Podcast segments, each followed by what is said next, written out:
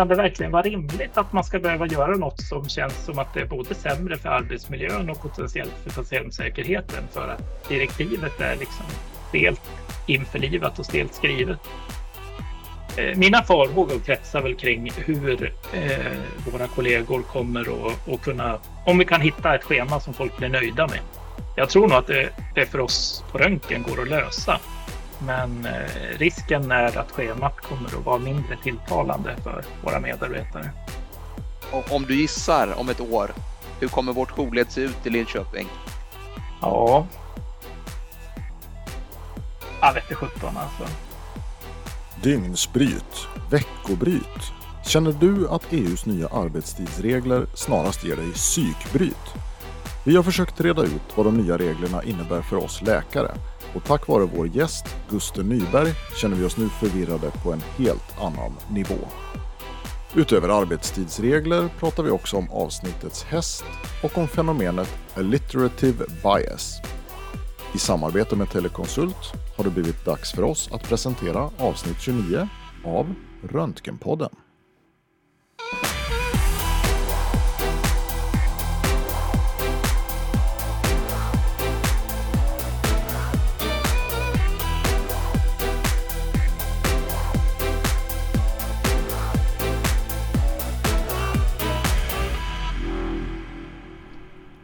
Hej Jörgen, då var man tillbaka på den gamla hemmaplanen. Jajamän, här i Eksjö sitter vi nu Per och jag. Trevligt att se dig Per. Detsamma Jörgen, kul att podda på, på riktigt, eller och inte göra det via länk så att säga. Ja, faktiskt. Eh, vi fick nästan tänka hur man skulle rigga allting tekniskt, men nu vi tror att vi har fått ordning på allt. Så att, eh, det är som sagt det är kul att sitta i samma rum. Och få användning av alla de här ganska kostsamma prylarna som du investerade i för några år sedan. ja, precis.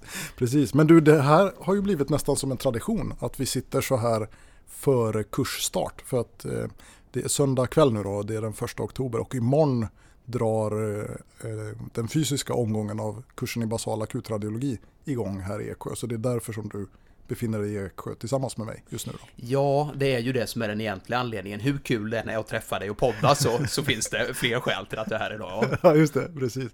Ja, så att Per och jag, vi har varit på Stadshotellet och riggat lite eh, tekniska grejer och sådär. Kollat att allt funkar och ja, sett att eh, dukarna är ordentligt vikta, att det finns godis i skålarna och, och så. Bordsilvret är putsat och... Precis. Det känns som att de är redo att ta emot oss imorgon. Allt verkar, allt verkar klart. De hade ju till och med fixat lite tekniska detaljer vi hade anmärkningar på förra året med ljud i föreläsningssalen och så, så jag har höga förväntningar. Ja, absolut. Ja, men det är eloge till Eksjö stadshotell. Och eh, ja, men jag ser fram emot att ta emot eh, vetgiriga kursdeltagare imorgon också. Det är alltid roligt att träffa folk från olika delar av landet. Helt klart. Alright. Eh, vad har vi gjort annars sen sist då Per? Ja, det närmsta jag kommer på är ju att jag i veckan har gått, gått på kurs själv. Okej. Okay. Den här gången en eh, barnradiologikurs. Alright, spännande. Ja, det är lite skräckblandad förtjusning. Det är ju det. Eh, när man går över från ett mindre sjukhus med lite barnverksamhet till ett universitetssjukhus. Ja. Som visserligen kanske inte är profilerat inom barn, men, men ändå har betydligt fler barn. Då, då känner jag att det tarvar en del eh, uppdateringar.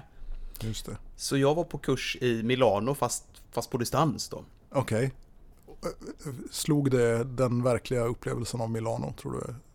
Att sitta här i Sverige på distans? Jag tror inte det. Nej. Men det var, ju, det var ju ganska smidigt egentligen. Men jag, jag, jag, vet inte. Jag, lite kritisk blir man mot den tekniska lösningen. Jag tyckte ljudet tackade och eh, det är också så när man är på en eh, kurs som hålls på europeisk nivå så att säga. Mm. Så är ju språket någonting som ger eh, variationer i kvaliteten på de olika föreläsningarna. Ja. De anglosaxiska kollegorna har ju ett oerhört försprång i och med att de kan föreläsa på hemmaspråket så att ja, säga. Verkligen. Och det märkte man också att eh, de som pratade brittiska som, som modersmål, de hade väldigt bra föreläsningar. Mm, mm. Men sen blir det ju så, det blir ju en del föreläsningar som handlar om akuta tillstånd som även en icke barninriktad radiolog kan ha god nytta av. Sen blir det ju en del närmast absurt nischade fall när man pratar transplantationskirurgi hos barn och dess Oj, komplikationer och så. För all del, det kan väl komma in någon senkomplikation, men det kändes mindre aktuellt i alla fall än det andra så att säga. Just det. Hur hemma känner du dig på barnradiologi annars? Mindre än jag borde antagligen. Mm. Ja, det är lite samma här och det var så länge sedan som man liksom exponerades för det i samband med ranning och så. Så att jag kommer inte ihåg så jättemycket av det. Det, är liksom, det enda jag kommer ihåg det var något om att barn är små vuxna och det tycker jag det har hjälpt mig. Det har du gjort. Så, nej, det, det, eller om det var tvärtom, jag kommer inte ihåg riktigt. Men kommer du ihåg att vi i ett tidigare avsnitt av Röntgenpodden, två gånger till och med tror jag, har efterfrågat en tongivande thoraxradiolog? Ja, det kommer jag ihåg. Här kommer då istället en shoutout till någon som känner att den skulle kunna vara en tongivande barnradiolog i Sverige. Ja, det skulle vi nog behöva som en eh, som sidekick att konsultera när det kommer sådana frågor till podden. Ja, men ett tag så körde de ju kurser. Jag vet inte om de fortfarande finns, de här tvådagarskurserna i barnradiologi. Men det, Just det. Just det, det borde vi kollat upp innan förstås. Jag vet inte heller hur det förhåller sig med det, om det finns några sådana kurser. Det kanske är dags att gå en sån, som lite uppfräschning i så fall. ja. Ja, alright. Eh, och eh, vad har vi för planer för det här programmet då? Det här är ju ännu ett intervjuavsnitt egentligen. Det är så mycket förändringar som sker och eh, inte minst så pratas det väldigt mycket om en förändring som träder i kraft för flertalet anställda i regionerna idag när vi spelar in. Just det. Men för oss som läkare först senare då, nämligen EUs direktiv om nya arbetstider, eller vilotider kanske man ska säga. Exakt, exakt. Och det är som sagt, det är ju idag som de träder i kraft, de reglerna. Ja. Okej, så det ska vi prata lite om och vad, ja, hur, hur, eh, hur tacklar vi den frågan då? Vi har ju hittat en, en person att intervjua, eller hur? Det har vi gjort. Ja. Det är ett bra sätt att tackla svåra frågor man inte riktigt behärskar. Exakt, ja. ehm, och vi återkommer väl till honom strax då. Men sen hade du ytterligare en programpunkt som du hade bidragit med på sociala medier innan det här avsnittet. Absolut. Vi har ju dragit igång den här satsningen som jag eh, föreslog att vi skulle göra Just eh, nästan i sändning förra gången. Jag hade inte pratat så mycket om det innan, men jag har tänkt på det där att vi, vi ägnade oss åt utbildning av juniora ST-läkare, Ja. eh, liksom det basala, och vi lägger ut våra små zebror med hysteriskt ovanliga diagnoser. Men vad man egentligen borde göra är ju att visa diagnoser som förvisso inte är vardagsmat, men ändå någonting en specialist nog bör plocka upp och kanske inte leverera alla snygga detaljer om, men ändå leda kliniken rätt jourtid. Just det. En häst istället för en zebra. En häst. Ja. En, en lippisanenhäst kanske, eller ett arabiskt fullblod. Eller, alltså inte en vanlig shetlandsponny på den lokala ridskolan, utan Ja, Just det. Ja, men och, och du hade hittat en sån häst som du hade lagt ut bilder på då. det har jag gjort. Mm. Vad tror du om den, Jörgen? Vad, ska jag säga vad jag trodde att det var för diagnos? Ja, jag tänker det. Vi börjar med det. Ja, jag, så jag tyckte det såg ut som en retrofäryngeal abscess. Då tror jag att du är på helt rätt spår. Vilken tur. Ja, Ja. alltså vi har ju eh, pratat om att det vore kul att få in lite exempel på fall Ja. till, till de här hästarna och jag pratade med en kollega i Linköping, sydöstra regionens eh, eget ÖNHS Bea Kovacevic om, om en del fall. Hon Mm. hade nämligen eh, vänligheten att gå igenom en del lite kluriga ÖNH-fall Mm. eh, för oss på kliniken för en tid sedan och det här var ett av dem.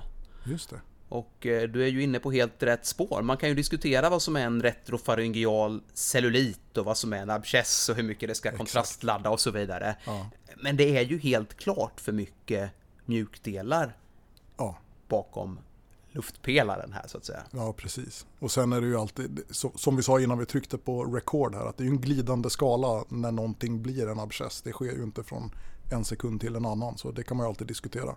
Hur långt gånget det är i den utvecklingen. Men, Ja, och det är inte det finliv vi avser att ta upp, för det här är ju inte ÖNH-radiologpodden, utan det här är ju Bonaradiologpodden, inte sant? exakt. Eh, men det var, förutom att vi har lagt upp fallet på Collective Minds, där man kan titta på det i sin helhet i tre plan, så, så har vi ju lagt det på Facebook. Jag, jag tror du länkade till Instagram också. Ja, precis. Och, så där fanns ju då de här stillbilderna, eller vad ska vi säga, en, enstaka snitten från de olika serierna. Eh, och sen fanns det också en länk till fallet på Collective Mind, som man vill scrolla igenom det helt och hållet. Då. Ja, och jag tänkte, för nu när vi förberedde oss så hade du tankar inte bara om den sakitella bilden som vi hade lagt ut, utan även om den transversella. Hade jag? Ja, det hade du. Nej, vadå? Vad, sa jag något? Jo, men det finns ju någonting där uppe i svalget på höger sida om jag inte minns fel. Ja, du Som- tänker, du pratar om tonsillen? Jag tror att det är tonsillen. Ja, det, det, ser ut som att det är någonting nekrotiskt där. Det var det jag sa något om innan, eller som du sa att Exakt. jag skulle säga något om. jag kommer inte ihåg. ja, tonsillen. Ja, eh, nu får vi skärpa oss Per. Ja, tonsillen. Men där har vi ju någonting med nekrotiskt centrum och det är ju där vi tror att infektionen har kommit in. Just det. det är ju sällan så man får en primär cellulit eller abscess i det retrofarangiala spatiet. Utan... Exakt, utan det börjar väl som en peritonsillär abscess då kanske, eller? Ja. Eller en ja, tonsillär, ja inte vet jag. Nej, så förmodar jag att det har gått till i alla fall. Just det. Okej, okay. men du, vet vad jag insåg nu? Kommer du ihåg innan vi startade inspelningen här att jag sa att jag satt och tänkte på något, att jag hade haft något i huvudet som vi skulle tagit upp i podden, som jag inte kom på just då. Ja, och det hade vi strukit för att inte komma ihåg det och nu ska du liksom kofota in det här, helt okej. Okay. Ja, eh, för vi skulle ju börja med ytterligare en miniserie. Det skulle vi göra. Ja, kommer du ihåg nu? Ja, vi skulle prata om bias. Ja, eller hur? Men då, då, då gör vi det. Ja, det måste vi göra förstås. Ja, så vi, då ska vi lyssna på intervjun med Gusten. Hästen har vi klarat av och så ska vi prata lite om eh, avsnittets bias då. Men vad säger du? Ska vi börja med intervjun med Gusten? Det tycker jag. Jag tycker vi ringer honom. Vi kör på det. Så, då har vi fått min kollega från Röntgen Linköping, Gusten Nyberg på tråden. Välkommen till Röntgenpodden Gusten. Tack så mycket. Det är roligt att vara här. Du blev ju en kändis i Läkarsverige när du tog fram en räknesnurra för att man eh, skulle kunna välja vilket av pensionssystemen man hade mest eh, nytta av så att säga om man var född innan 86 och, och hade möjlighet att välja på CAP KL och ACAP KL, inte sant? Ja, men precis. Det var vårens stora fritidssysselsättning vi hade ju tänkt, Jörgen och jag, att vi skulle intervjua dig i podden om den saken, men eh, det här valet är historia nu, så vi får hoppas att våra lyssnare helt enkelt har eh, fattat rätt beslut. Eh, men, men, du har gått vidare till nya uppgifter och nu så sitter du alltså i en grupp som funderar på hur Region Östergötland ska anpassa sig till EUs nya direktiv om, om eh, vilotider, inte sant? Ja, precis. Eh, det, här eh, arbetstidsdirektivet från EU från 2007 eh, är ju nu på väg till slut in i, i svenskt arbetsliv för, i, i sjukvården. Och där har vi ett arbete framför oss. Jag har hört det att det är liksom inget nytt regelverk utan det har funnits regler hela tiden som stipulerar eh, en viss mängd timmars vila mellan arbetspassen och en viss veckovila. Men Sverige har på något vis lyckats stucka det från 2007 och fram till nu då. Ja, vi har haft ett undantag där vi har eh, fått eh, sköta eh, avtala den här typen av skydd för arbetstagare i våra kollektivavtal. Eh, men eh, det var... Eh, eh, ryktet säger att det är en... Eh, att det var någon som arbetade på ambulans som eh, eh, drog Sverige inför EU-domstolen efter för, för, då att dygnspass som, som vederbörande hade stred mot EU-rätten. Och då konstaterades det att Sverige uppenbarligen inte klarar av att, och eh, erbjuda sina arbetstagare tillräckligt gott skydd och, och eh, det bestämdes att, att eh, det här direktivet måste införlivas i, eh, i, svensk, eh, eh, i svenskt arbetsliv också. Då. Så det var ju den stora saken i, i avtalsrörelsen här i våras. Och nu blir det för läkarnas del då blev det ett, en liten respit så att det är första februari som reglerna börjar gälla för, för läkare. Men det är nu första oktober som eh, eh, övrig personal eh, i sjukvården börjar enligt de här reglerna. Vill du lite kort berätta för lyssnarna vad de här reglerna egentligen innebär? För jag tror inte att alla är så insatta i, i EUs regelverk. Jag är det i alla fall inte. Ja, men absolut. Och det är ju de två stora bitarna som det pratas om. Det är eh, dygnsvila och veckovila. Och det är ju två begrepp som vi har haft i våra kollektivavtal eh, sedan länge. Ehm, eh, men det blir eh, dels eh, fler timmar i de här vilorna och framför allt så blir det eh, striktare eh, att man följer dem och eh, krångligare att göra undantag. Det har väl lite raljant kan man väl säga att det har inte haft några som helst konsekvenser när eh, olika kliniker inte har följt de reglerna som vi har haft eh, hittills. Eh, men där förstått, har jag förstått det som då på, på juristerna här att det, det, det är två helt olika saker att bryta mot en arbetstidslag och att bryta mot ett kollektivavtal. Eh, och, och, konsekvenserna för regionen att bryta mot det här bedömer man vara något helt annat då än vad det har varit. Så att, eh, det låter som att SKR och regionerna är väldigt angelägna om att man ska kunna eh, leva upp till det här till punkt och pricka. Då. Så, så det är egentligen den stora skillnaden, att, att vi har regler som vi verkligen ska efterleva till punkt och pricka. Men, men i, i direktivet då så pratar man om 11 timmars dygnsvila och man pratar om 36 timmars eh, veckovila. Och eh, eh, nej, förlåt, man pratar egentligen om 24 timmars veckovila i direktivet, men det finns en skrivelse att om eh, medlemsländer har starkare rättigheter eh, än vad, vad, eh, direktivet föreskriver, så att säga, då är det de som gäller. Det, det, ingenting ska bli försämrat av att det här införs. Men det som är lite, lite paradoxalt där då, eller paradoxalt, men det som är eh, speciellt med veckovilan och det här med 36 timmar, det är att, att det blir eh, de 24 timmarna som är föreskrivna, det blir 36 då för att Sverige har haft 36 timmars veckovila. Eh, men EU-direktivet tolkar eh, dygnsvila och veckovila och hur de samspelar på ett annat sätt. Så att eh, man måste ha en dygnsvila i anslutning till veckovilan. Och det gör ju i praktiken att eh, eh veckovilan går från 36 timmar till 36 plus 11 timmar. Så, så eh, veckovilan blir på det viset, den omvägen blir en förlängd till, till 47 timmar eh, i det här. Då. Eh, så, så tillsammans så, så eh, eh, det låter kanske inte så mycket, men det har ganska stora konsekvenser. Särskilt veckovilan betyder ju att det inte räcker längre att vara ledig en dag eh, för att eh, få, få sin veckovila, utan att man måste vara ledig två dygn. Då. Jag tänker om vi börjar lite på dygnsvilan, så vad jag förstår så måste det alltså gå 11 timmar mellan att man avslutar ett pass och att man påbörjar nästa, vilket skulle göra då det sätt jag har arbetat som jour både i Eksjö och Motala eh, otillåtet. För där har man ju system som gör att man arbetar till klockan 22 och sen går man på någonstans klockan sju igen morgonen därefter. Så det är inte okej okay med andra ord. Ja, eh, det här eh, eh det är inte helt enkelt kanske att svara på alla gånger. För att eh, det finns ju olika undantag och en del är definierade tydligt från början. Eh, det är alltså ett ordinarie arbetspass som inte får vara längre än 13 timmar. Om man kombinerar ett ordinarie arbetspass med jour och beredskap, ja, men då kan det vara lite längre.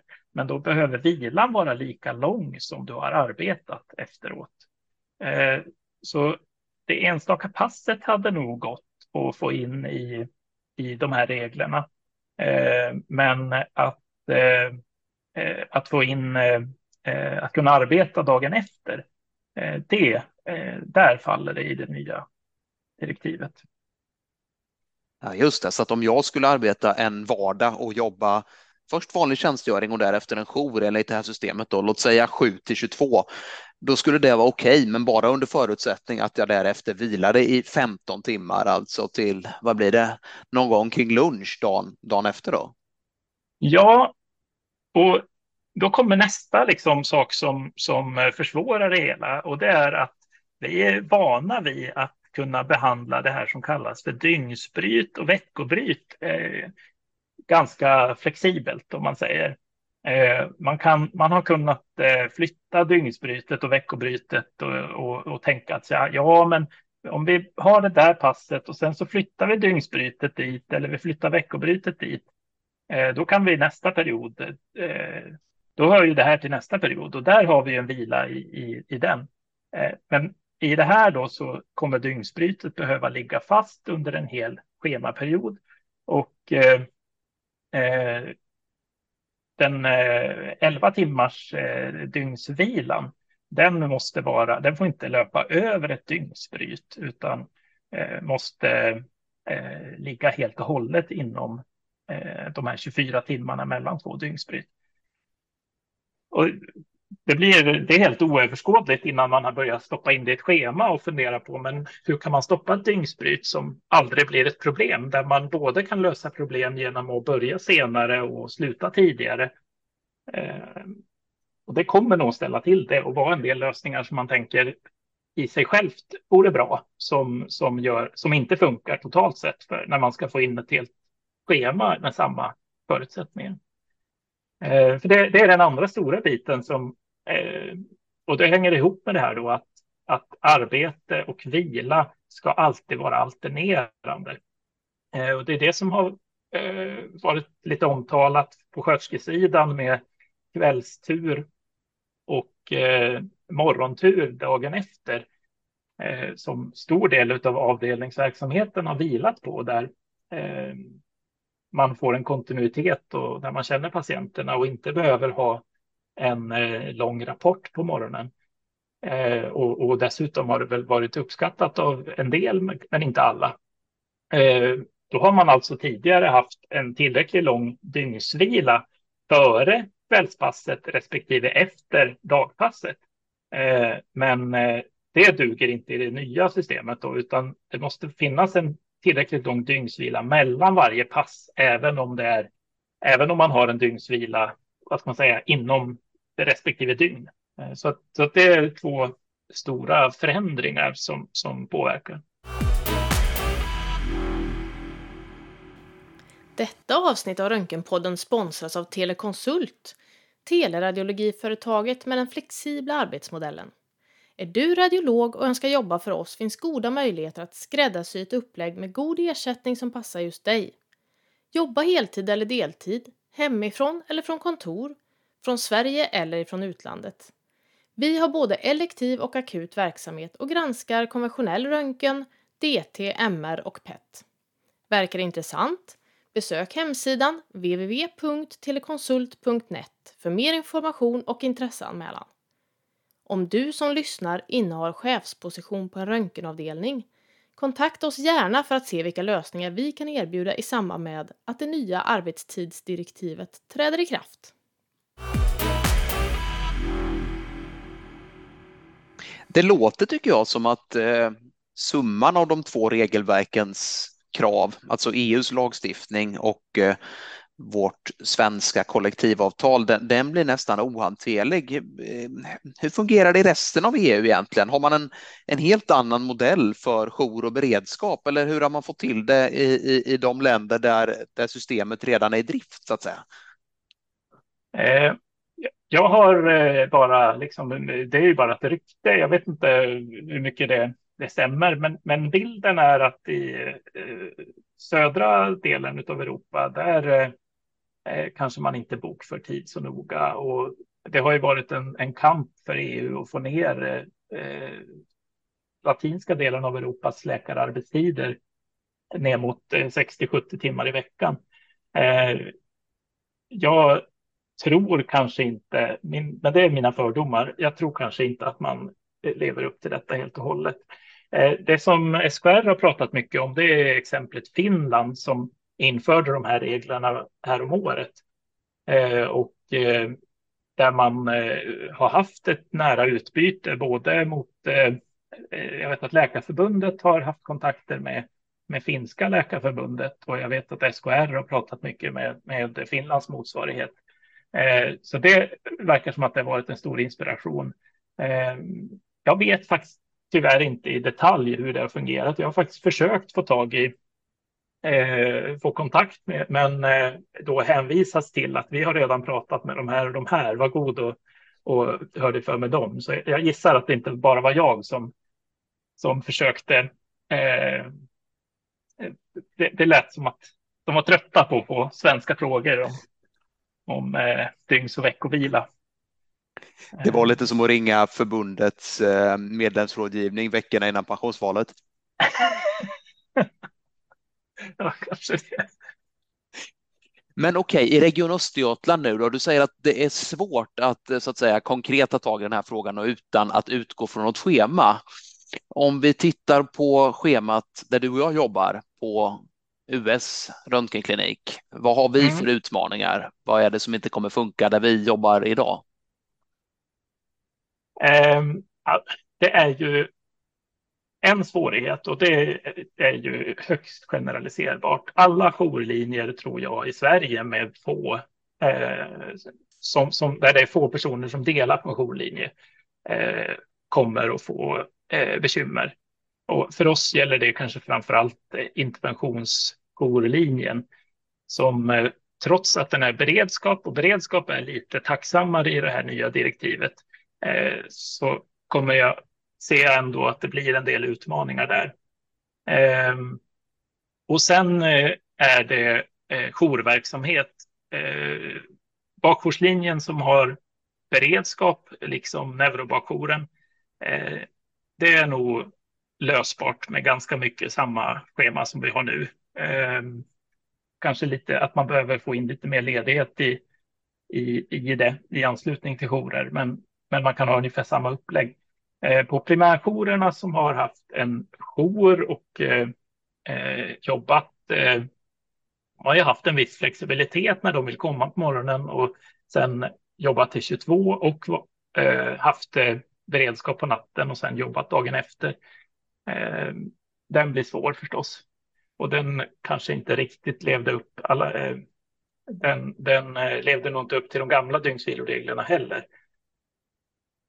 Eh, man kan ju säga för lyssnare som inte är fullt bekanta med hur vi jobbar på US i Linköping att vi har eh, inte jourveckor, varken i primärjours eller bakjoursledet, utan man har en jour då och då helt enkelt och sen så om ingenting helt oväntat har hänt så fortsätter man med sin arbetsvecka. Eh, vilket ju kan vara svårt naturligtvis om man då är primärjour och inte kan ha beredskap med en insats då och då utan man verkligen arbetar hela kvällen. Inte sant? Ja, precis. Och det vi har gjort bra tycker jag, det är ju att de som har behövt jobba på natten har det ju varit lösbart. Vi är så pass många på plats så att det går ju att lösa om, om eh, det är någon som har varit uppe och eh, kört en invagination eller någonting på natten så, så har de ju kunnat frikopplas dagen efter. Eh, men, men eh, schemat har, har eh, eh varit ganska tufft och eh, det kommer inte att, att hålla riktigt för de här reglerna. Eh, du nämnde det att beredskap det eh, betraktades på ett lite mer förmånligt eller fördelaktigt sätt i det, i eh, det här nya regelverket. Då. Hur, hur räknas det egentligen om man säger att man har en beredskap som, som du Per gav som exempel när du jobbade i Eksjö då, mellan 22 och 07 på natten som täcktes av distansjour då. Eh, och där man i nästan kunde räkna med att man inte blev störd. Det var i alla fall så pass sällan så att det, det vanligtvis så blev man inte störd. Räknas det då som, som icke arbetad tid? Och eh, omvänt då, om man får åka in på natten, då är det bara den arbetade tiden som, som räknas som arbetad tid, eller eh, hur, hur ser det ut i det nya regelverket? Ja, eh, svaret på den första frågan är, är eh, det stämmer att eh, Eh, beredskap räknas som man kan ha en dygnsvila på en beredskap. Eh, och eh, det är ju kärnan till varför beredskapen blir lite enklare att hantera. Eh, sen är det fortfarande en del oklarheter kring arbetad tid under beredskap som stör eh, dygnsvilan. Eh, hur, det, hur det ska räknas ihop. Eh, man uttrycker sig lite olika från SKR och eh, från eh, Läkarförbundet. Eh, på en del ställen står det att all tid man har arbetat under ett beredskapspass ska kompenseras och eh, på andra ställen att eh, den tiden som stör dygnsvilan, alltså om du har en beredskap från 16.15 till 07, då känns det ju på sätt och vis rimligt att man kan jobba ett par timmar fram till eh, klockan åtta och sen har du elva timmar ostört så, så borde du kanske inte behöva kompensera någonting. Eh, jag tror nog att det är så det kommer att, att tolkas, men, eh, men det är ju eh, avgörande förstås för eh, beredskapen att man kommer till, till klarhet med hur man ska hur man ska räkna eh, kompensation för, för störningar. Eh, så, så, eh, och, och särskilt blir det ju, eh, apropå eh, jourled med få deltagare, när man lägger på flera beredskaper ovanpå varandra. Eh, och man kan ju ha beredskap även i det nya systemet eh, eh, flera dagar i sträck. Eh, eh, nu vet jag inte mina tidigare uträkningar om att man kan ha måndag till onsdagen veckan därpå. Kanske faller med, med en del uppdateringar, men, men man kommer definitivt kunna vara i beredskap en vecka. Eh, men då blir det ännu mer avgörande hur det ska summeras, de störningarna, när det är eh, många beredskapspass i rad. Då skulle, det, då skulle det kunna bli så att om man blir störd på den första beredskapen så saboterar det kommande beredskaper som man är uppsatt på. Är det, är det så du menar? Eller? Nej, det jag tänkte på där var att det kan bli väldigt mycket vila efter eh, beredskapen, beredskapen är slut. Det är som så att så länge du fortsätter ha beredskap, då kan du skjuta på, på vilan. Men om du har en, en lucka där du inte är schemalagd, då eh, måste du ta ut eh, eh, den kompensationen du har tjänat in innan du kan gå på beredskap igen. Så det blir lite paradoxalt så att det, det driver på att klumpa ihop beredskaper. Eh, det kommer kunna vara vanskligt att stoppa folk på beredskap varannan dag. Eh, men eh, att ha en vecka var, det är kanske enklare och säkrare i alltså säkrare utifrån bemanningssynpunkt, inte nödvändigtvis för patienten eh, i, i det nya systemet. Så det, och, och jag menar, alla de här bitarna är så där, ja, men kan det verkligen vara rimligt att man ska behöva göra något som känns som att det är både sämre för arbetsmiljön och potentiellt för patientsäkerheten för att direktivet är liksom stelt införlivat och stelt skrivet. Eh, det, det är ju sånt som vi måste titta på under hösten så att man kan hitta någon, någonting som känns rimligt. Men eh, om man förflyttar blicken lite till, eh, till primärjoursledet så att säga. Där känns det svårt att komma undan och hävda att det var oväntat att den här primärjouren faktiskt fick jobba mellan 18 och 22. För, för det brukar man ju få göra så att eh, det kommer landa i någon sorts jourveckor med på, på, på förhand eh, inlagda vilodagar eller hur, hur knäcker man den nöten? Ja, då är första frågan hur definierar man jour och beredskap? Och det är ju väldigt speciellt för eh, radiologin. För det definieras som att man antingen jour, man måste vara på sjukhuset, eller beredskap, man kan få lämna sjukhuset. Eh, det är ju inte en uppdelning som är riktigt relevant för oss när man kan göra så mycket av jobbet eh, hemifrån, bara man har en arbetsstation. Eh, så där är ju, det är den första, så att säga, eh, definitionsfrågan. Eh, där tänker jag mig att, jag tänker mig som du, det är det som är rimligt, att om man vet att man alltid kommer att jobba en viss tid, ja men då är det väl inte beredskap rimligen. och, och, nej men, och, och, så, så är det det som var problemet där med nattberedskapen vi pratade om mellan 22 och 07, det är ju att den är lite för kort. Det blir ju inte eh, 11 timmar, även om man inte blir störd eh, sen på, på den tiden som Sydney har. Så ett förslag till Telekonsult och övriga är att försök gärna lösa det här och, och dra igång redan, redan klockan 20 så kommer du få många kunder eller, eller hur ska man se det? Ja, jag vet att eh, frågan redan har, har eh, uppkommit eh, och eh, att det har diskuterats eh, möjligheten att eh, ha ännu fler timmar. Eh, det, eh, så att eh, det kan mycket väl vara så att det kommer ett sådant erbjudande.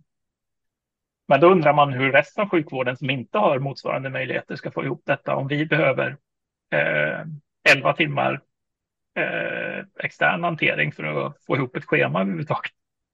Ja, alltså det är ju det, är ju, det här med beredskap är ju vad jag förstår någonting som regleras i mångt och mycket i kollektivavtalets specialbestämmelse för eh, läkare eh, som inte finns för så många andra yrkesgrupper. Därav den stora oron hos exempelvis en del ambulanssjukvårdare som är vana vid att jobba dygn och sen ha, ha lediga dygn och där man så att säga har byggt upp livet kring att tillvaron är sån. där är problemen förmodligen än större. Mm. Eh, absolut. Det har ju kommit en del undantag eh, och eh, ett sådant undantag som gällde för några yrkesgrupper var att man i, under eh, ja, genom ett nålsöga så, så går det ju att få jobba dygn även i det nya då. Eh, men eh, det är så pass krångligt så att det är, eh, ja, det är inte en tilltalande lösning. Eh, det, det, är det inte. Och, och, det är egentligen inte det som är problemet eh, för, för eh, oss och, och, på läkarsidan, tror jag. Det kanske finns eh, transplantationsverksamhet och annat som, som har den typen av jourer. Eh, jag föreställer mig att mycket glesbygdsvård ändå har beredskap en del av dygnet, men, men jag har inte helhetsbild på, på det. Eh, utan jag, det som eh, är, är, stora bitar för oss är ju eh, att få ihop dygnsvila och eh, veckoviloregler med vårt arbete där ändå ganska mycket eh, görs under eh, angränsande dagar, att man förbereder en rond dagen innan eller någonting annat. Det är många frågor och få svar. Eh, om du gissar om ett år, hur kommer vårt jourled se ut i Linköping? Ja. Eh, jag vet inte sjutton alltså. Det, det, eh, jag hade ju gjort eh, utkast på scheman som jag tyckte skulle funka, men, men som föll faktiskt nu med en del uppdateringar som, som kom. Jag, jag står lite så där och hoppas att eh, arbetet ska komma igång, att man kan sätta som ett schema igen och försöka se vad som går att, att göra jag är inte säker på att de tankarna jag har haft under våren håller riktigt. Så jag är osäker. Alltså den spontana känslan man får när du redogör för de här reglerna och bara när man själv tittar hastigt på det utan att sätta sig in i det i detalj. Det är ju att för att lösa samma arbetsuppgifter som vi gör idag med de nya reglerna så måste det till fler gubbar och gummor i schemat. Antingen på plats eller om de sen sitter på Bali eller i Sydney eller någon annanstans. Är, är det din bild också eller tror du att det går att lösa det med befintliga resurser och det nya regelverket?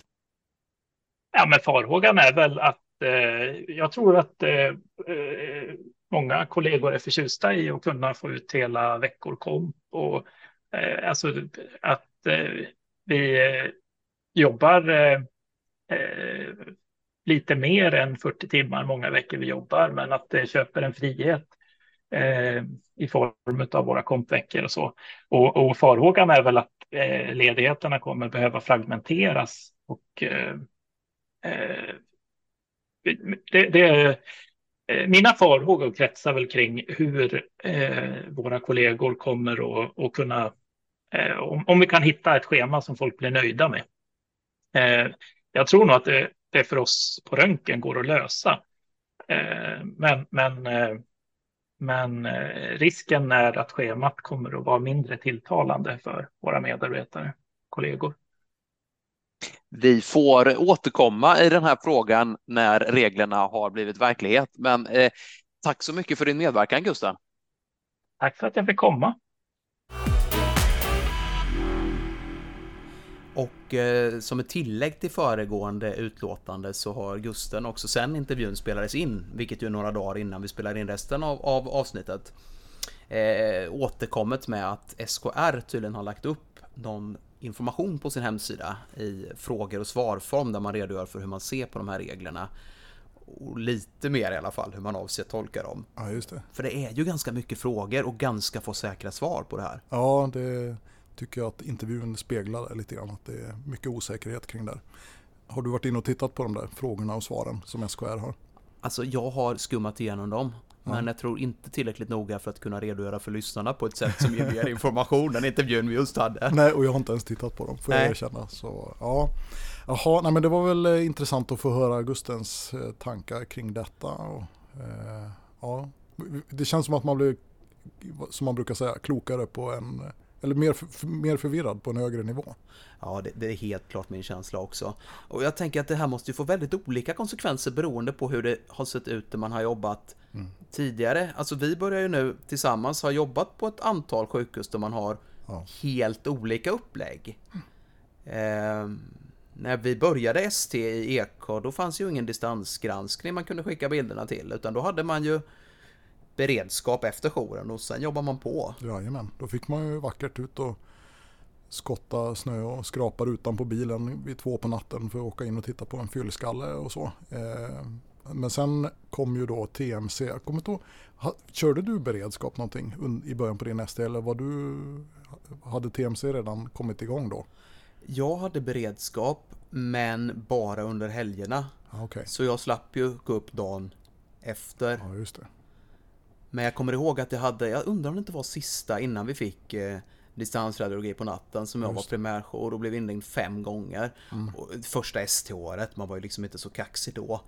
Så att eh, det, det kändes som en, en, en förbättrad arbetsmiljö, ja, i alla fall ja, för mig där när det kom. Verkligen, och så var det ju då fick man ju höra lite sådär ibland att det, det, är bra för din utbildning att öva på och jobba på natten och sådär. Men jag vet inte det där pedagogiska värdet av att titta på Eh, som jag sa en fyllskalle klockan två på natten. Jag vet inte om det var mer lärorikt än att titta på en hjärna dagtid när man var pigg. Det är nog väldigt tveksamt tycker jag. Det är möjligen att det var karaktärsdanande på något konstigt sätt. Men... Det kan man absolut diskutera, men jag måste ändå ge dig lite ungdomspoäng för att du ännu inte har gått över till det här på min tidsstadiet. Nej, det var bara att jag inte sa det. jag tänkte det bara. du vill bara plocka poäng hos de ST-läkare som utgör en stor del av poddens lyssnarskara kanske. Ja, exakt. Men jag tycker det är lite omvänt här. Jag har ju eh, två arbetsplatser nu. Ja. I Motala så har vi ju vi jobbar ju nära US och ligger nära dem också så i Motala så stängs ju helt enkelt den jourlinjen som röntgenläkarna bemannar vid 10. Mm. Och det har gjort att man har kunnat jobba en, en hel helg för att man vet att man får vila på natten. Det. det. är ändå någonting som merparten av kollegorna har tyckt har varit en bra grej för att då behöver man inte binda upp sig så många helger. Men det, det här kommer ju bli svårt. Ja, Alltså vad, vad hela den här regeländringen kommer leda till. Ja, det, vi har ju pratat lite om det vid sidan av inspelningssituationen här. Jag vet inte, det, man får ju känslan av att alltihop kommer gå mer mot schemaläggning än den eh, ändå flexibilitet som finns i systemet som vi har idag så att säga. Ja så är det ju. Alltså, jag har hört talas om kliniker, eller förlåt, eh, kliniker. som eh, i svallvågorna och det här säger att ja, men då får vi betala ut komp i pengar helt enkelt. Ja. För EUs eh, e nya krav kommer göra att vi måste lägga ut så mycket ledig tid ändå. Och min, min tanke, mitt stilla sinne här är ju om vi nu har den svenska modellen på arbetsmarknaden här, vem, vem för min talan? Alltså, här sitter vi då, både det som borde vara arbetsgivarrepresentanter och det som borde vara arbetstagarrepresentanter. Och så försöker vi dechiffrera vad någon på EU-nivå har sagt ska vara bra för oss. Just det, och den personen har ju inte ens blivit tillfrågad utan det är, det är verkligen top-down i det här fallet. Det är ju inte så att du eller jag eller någon av våra representanter har kommit dit och sagt snälla EU kan inte ni hjälpa oss att fixa till det här. Utan det är ju snarare EU som kommer, hej Per, Ja, det är väldigt märkligt. Det, det, här är inte bra för dig att jobba på det här sättet. Nej. Så här ska du göra istället. Det här ska ju vara en skyddslagstiftning, så intentionen är ju god, men det, det blir ju väldigt märkligt alltså. Ja, eller hur? Och just det här, den här effekten som jag sa, att det går mot mer schemaläggning och mindre flexibilitet. Det rimmar ju ganska dåligt med den här ambitionen man har att försöka minska på beroendet av hyrpersonal och istället eh, Eh, anställa personer. Då. För att eh, den här flexibiliteten, det är ju en av pushfaktorerna ut till hyrsektorn. Att man kan styra sin arbetstid och det är klart att om den flexibiliteten blir ännu mindre som anställd då kommer väl eh, kanske det flödet av personer från anställningar ut till konsultvärlden inte att minska utan snarare tvärtom tror jag. Ja, alltså jag läste ännu en, eh, ett utspel från SKR om att man ska avse minska inhyrd personal i vården. Mm. Eh, inte så mycket om hur det skulle ske. Men det, det, är ju, det får man väl lämna som en övning åt SKR då, att, att ja. få ihop den här ekvationen. Nu känner jag att den här, den här ungdomliga poängen du fick och, jag också i någon mån fick innan den håller på att gå förlorad. För nu, nu håller Röntgenpodden på att regrediera till... Prostatapodden! ja. ja, det blev, blev lite gubbpodd av det hela. Ja, men det blir spännande att se hur det här spelar ut i alla fall. Ja, det ska bli spännande. Eh, den som lever får se. Jag vet inte om vi kommer så mycket längre än så. Nej, jag tror inte det. Vi kan hoppas på det bästa. Och vem, som, vem man ska prata med som representerar den är mer oklart än någonsin. Ja, det är oklart. Det var ju tur Jörgen att du kom ihåg att vi utöver hästarna hade påbörjat en annan serie också. Ja, men det var ju knappt. men jag kom på det i alla fall.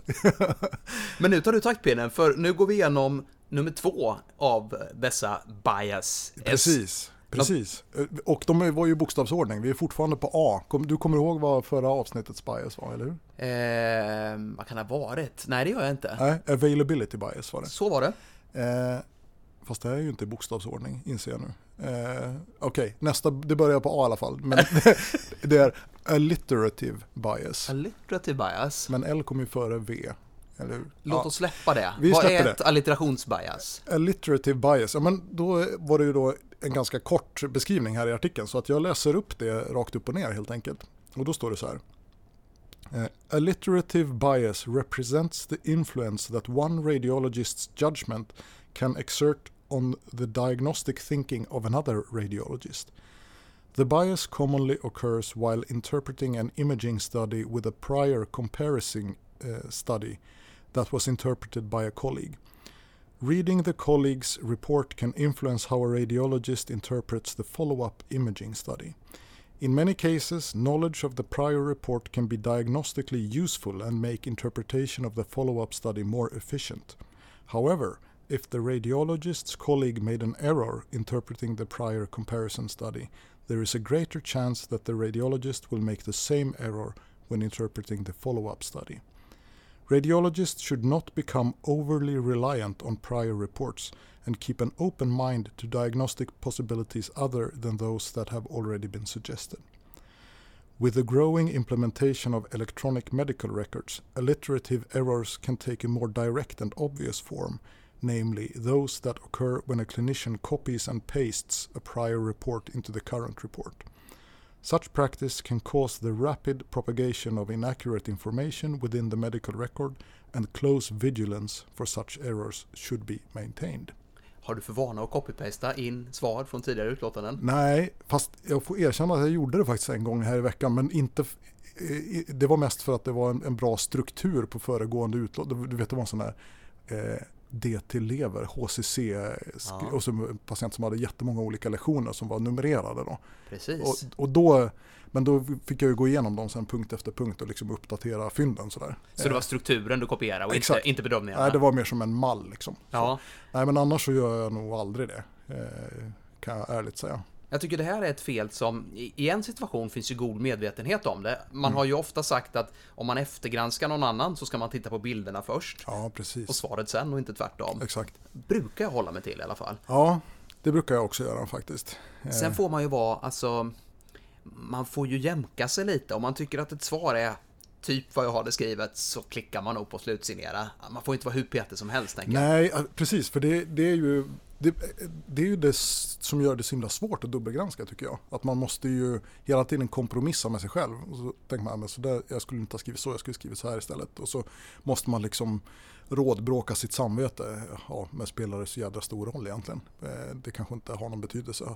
Det kan ju lika gärna stå så som det står och så får man liksom köpa det ändå. Då. Ja, men det är ju en annan fråga, men jag tror att mycket av de här nyanserna vi håller på och jobbar och anstränger oss ja mycket om på röntgen. Det, det, det är som att tala för döva öron. Ja men det är precis det jag menar. För man, man liksom vill gärna nyansera på just sitt sätt. Man tycker att det perfekta utlåtandet det ska ju vara som om jag hade skrivit det. Förstås. Ja.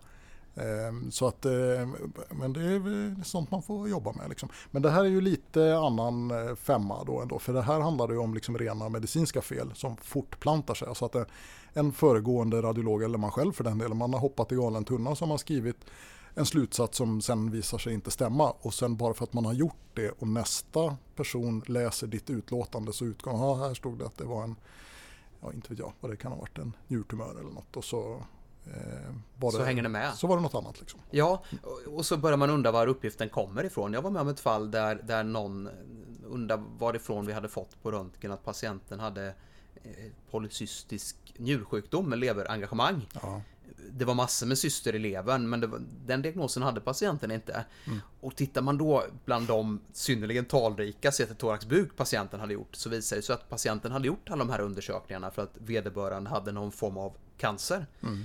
Med eh, levermetastaser. Ja.